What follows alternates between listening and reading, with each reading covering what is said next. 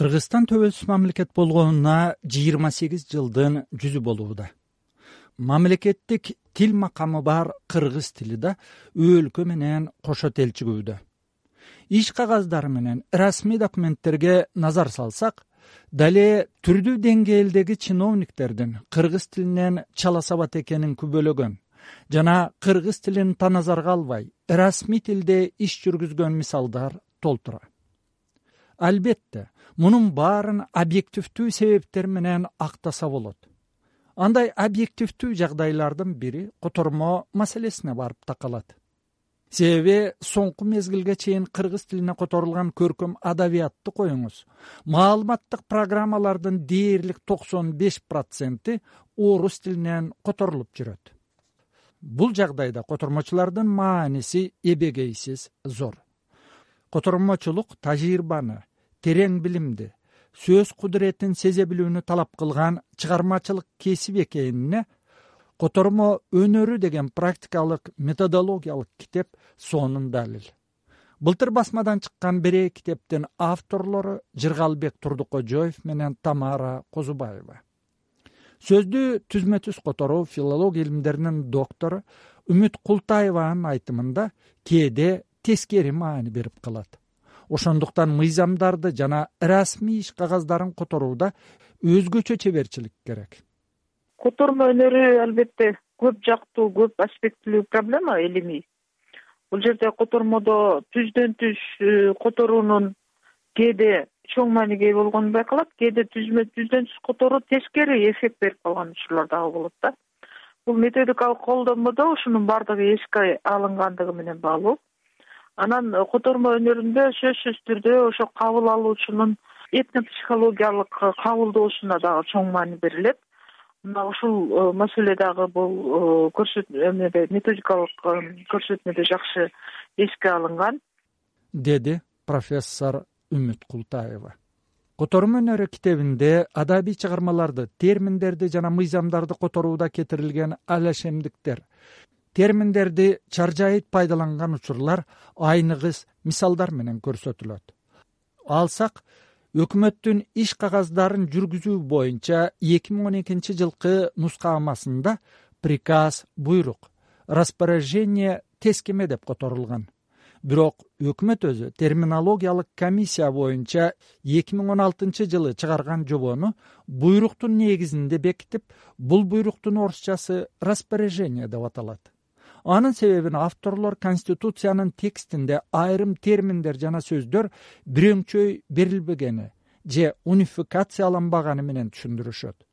Сөздөр менен терминдер туура которулбаса мааниси бузулаарын айтат бишкектеги номер жетимиш жетинчи мектептин окуу бөлүмүнүн башчысы эл агартуунун мыктысы сабира өмүрбаева. Ушул тамара козубекова менен турдукожоевдун китебиндеги эң бир көтөргөн маселе ошол жогору жактагы чөйрөдө кетирилген каталар котормодо кетирилген каталар абдан жүйөлүү маселени козгогонун аябайчу. Жылдан жылга тилибиз кайра э, аябай артка кетип баратат да. Мейли бала бакча мектеп мугалимдериби жогорку окуу жайларыбы мекемедеби кайсы жерде болбосун деги эле биздин тилибизде э, ушунчалык көп ката кетип ата энелер үйүндө э, орусча билсе да билбесе дагы мектепке балдарын окутуп орус тилинде жүргүзгөн класстарга беришет кана анткени ал үйдө өзү э, орусча баланы даярдай албайт. Себеби анын ойлогону кийин э, бала чет жакка барып же россияга барып иштеп ушу тил билиш керек деген бир четкир түшүнүк бар да ата энелердечи. Биздин могу мамлекеттик тилдин мыйзамын мыйзам болгону менен эч кандай мыйзам аткарылган жок да. Эч кандай аткарылган жок. Мисалы үчүн биз бир беш алты орус тилиндеги адам отурса бир чогулуштарда ошол жолу жыйналыш орусча өтүлөт мисалы тиги окуу бөлүм башчыларынын тендерлары тиги ушундай да. Деди эл агартуунун мыктысы. Бишкектеги арабаев атындагы гуманитардык университеттин ардактуу профессору сабира өмүрбаева.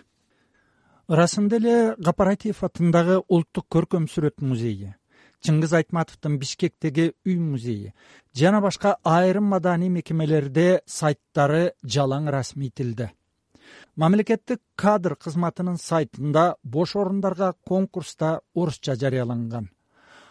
Профессор үмүт култаева котормо ишиндеги кемчиликтин негизги себептеринин бири деп сабатсыздыкты атады. Бул себеп өтө олуттуу көйгөй адам мындай бир жүрөгү оорута турган э, деңгээлде турат бул президент кол койгон жарлыктар өкмөт башчысы кол койгон токтомдор ар кандай көрсөтмөлөрдө ушунчалык өтө одоно сабатсыздык кетип атат. Бир эле сөздүн бир нече вариантта жазылышы. Муну э, бир нече фактор менен түшүндүрүүгө болот. Биринчиден э, өкмөттүк деңгээлде кадрлардын туура эмес тандалгандыгы ошол жерде отурган адамдардын өзүнүн жеке сабатсыздыгы албетте мен э, мамлекеттин президентин же өкмөт башчысын премьер министрди күнөөлөйүн деген оюм жок. Ал кишилер бул документтерди өзү жеке даярдап отурбайт. Алардын адистерине ишенет. Мына ушул ana ушул документти даярдаган адистер бул маселеге өтө жооптуу мамиле жасаш керек эле керек болсо советтер союзунда бир тамга үчүн жумуштан алынган правда газетасынын редактору а бул жерде эмне деген э, сабатсыздыктар кетип атат? Айталы жаңы бийлик э, бутагынын бири эсептелинген жогорку сот дегендин төрагасы өзү бийлик бутагынын төртөө тең ошол мамлекеттик кызмат чоң тамга менен жазылыш керек. Аны бирде кичине бирде чоң бирде аралаштырып жазып атат. Андан башка мамлекет башчы деген сөздү эмнегедир? Чоң тамга менен жазып алышыптыр элчи деген маселени эмне үчүн чоң тамга менен жазып алыптыр? Мунун баардыгы баягы кыргыз тилинин э, иштелип чыккан жазуу эрежелерине таптакыр туура келбейт. Котормолорго жана кыргыз тилинин абалына арналган берүүнү угуп жатасыздар жыргалбек турдукожоев менен тамара козубекованын котормо өнөрү деген китебинде келтирилген терс мисалдардын дагы бирин окуп көрөлү. Ар бир адам мыйзамда каралган тартипте күнөөлүү экени далилденмейинче. Жана соттун чечими мыйзамдуу күчүнө киргени аныкталмайынча кылмыш жасаганга күнөөлүү деп эсептелбейт деп айтылат конституциянын жыйырма алтынчы беренесинин биринчи пунктунда. Бул сүйлөмдү окугандан кийин адамды кылмыш жасаганга күнөөлүү деп эсептеш үчүн соттун чечими мыйзамдуу күчүнө киргени ким тарабынан? Кантип? Кайсы мөөнөттө аныкталууга тийиш деп абдан туура суроо коюшат тамара козубекова жана жыргалбек турдукожоев. Жогорудагы сүйлөмдү түшүнүү үчүн юрист эмес адамдар баш мыйзамдын орусча редакциясын окууга мажбур.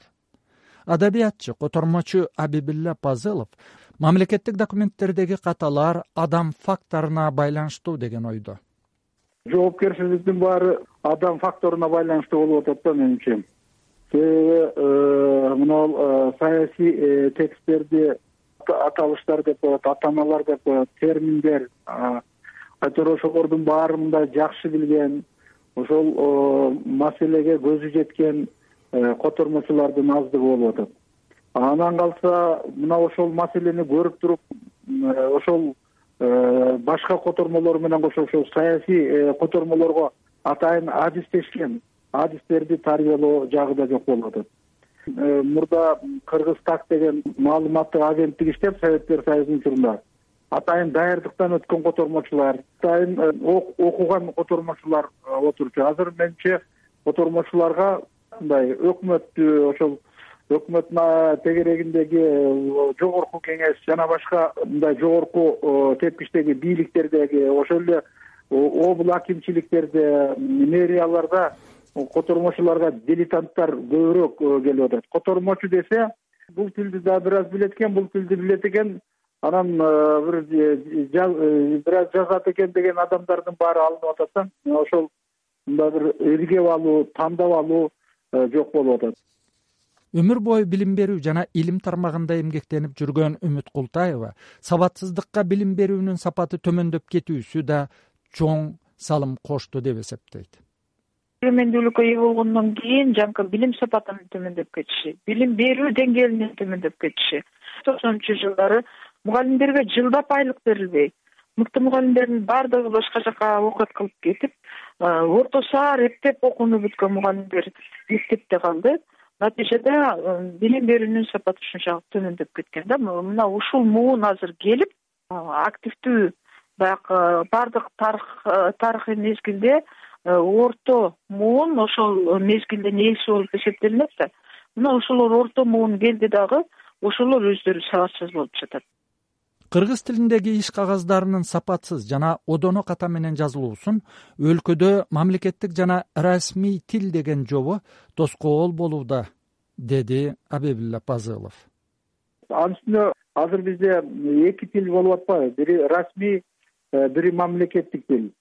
Э, көп э, маселелер биринчи расмий тилде даярдалып анан мамлекеттик тилге которулуп атат. Расмий тилге которулганда ага жоопкерчилик башкача болуп атат жоопкерчилик алуу жогору болуп атат дагы мамлекеттик тилге келгенде мамлекеттик тилде ат үстүнөн мамиле болуп атат да ошого изденип которгон э, эми э, расмий тилде турбай мамлекеттик тилде э, мындай көңүл бурбай койсок мындай оңдоп алабыз дегендей бир учурлар болуп атат да. Ошол бир топ ушундай бир маселелерден менимче саясий котормо саясий тексттерди которуу саясий документтерди которуу абдан аксап турган учуру жогоруда айтылган көйгөйлөрдөн улам жыргалбек турдукожоев менен тамара козубекова аталган китептеги мына бул сөзүнө ким да болсо кошулат. Тилмештин жаңылыштыгы адамдардын ортосундагы чыр чатакка адамдын адилетсиз мыйзамсыз жазаланышына уюм ишкана мекемелердин негизсиз талаш тартышына жарандардын чарба жүргүзүүчү субъектилердин негизсиз материалдык каржылык зыянга учурашына мамлекеттер арасындагы мамилелердин бузулушуна жана башка жагымсыз жагдайларга дуушар кылат